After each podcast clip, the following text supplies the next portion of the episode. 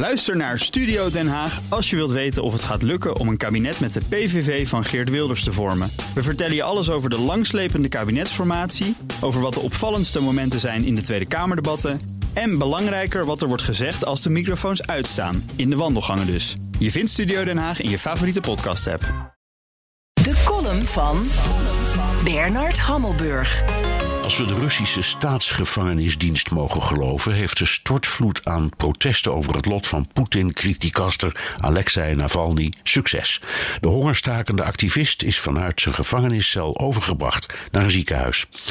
Het bericht van zijn opname in een gevangenisziekenhuis verscheen eerst in de staatsmedia, zoals persbureau Sputnik, dat zijn toestand als stabiel en bevredigend beschrijft. Vrij vertaald, westerse politici die dreigen met hel en verdoemenis moeten zich niet zo aanstellen. Het komt wel goed met deze hooligan.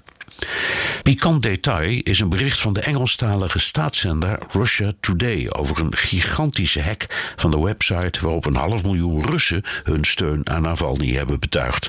Van al die inzenders zijn de namen, adressen en e-mailadressen bekend. Dan maakt het bericht een idiote draai, want, zo staat er, de hackers dreigen die persoonsgegevens door te verkopen aan advertentiebureaus. Wat zouden die bureaus met een dergelijk bestand kunnen? Niets natuurlijk en dus is het duidelijk een dreigement aan Navalny's volgelingen in eigen land. De hacker is het Kremlin en we weten precies wie jullie zijn en waar jullie wonen. Mijn indruk is dat Poetin van plan was Navalny daar in die gevangenis gewoon te laten overlijden. Dat had dan nog een tijdje reuring gegeven, maar dan zou het wel weer stiller worden. Zijn misrekening zat in de reactie in eigen land. Poetins mantra is dat verraders en staatsvijanden simpelweg moeten worden omgelegd en veel Russen zijn het daar wel mee eens. De affaire Skripal bijvoorbeeld speelde in Rusland niet prominent. Met Navalny loopt het onverwacht anders. Die heeft veel meer bijval in eigen land dan Poetin had verwacht. En dus is het politiek handiger om hem niet te laten doodhongeren, want dan zou hij, behalve een staatsvijand, ook een martelaar worden. In september zijn er parlementsverkiezingen en Poetin loopt een beetje op eieren. De boze woorden en dreigementen van de Europese Unie en Amerika hebben ongetwijfeld een beetje effect.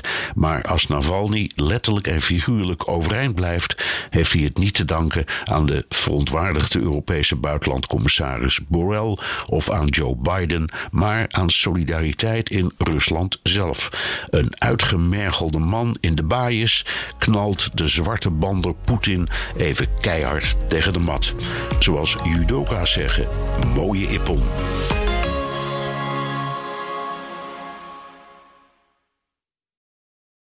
Ook Harm Edens vind je in de BNR-app. Je kunt BNR Duurzaam niet alleen live luisteren in de app, maar ook terugluisteren als podcast, zoals al onze podcasts.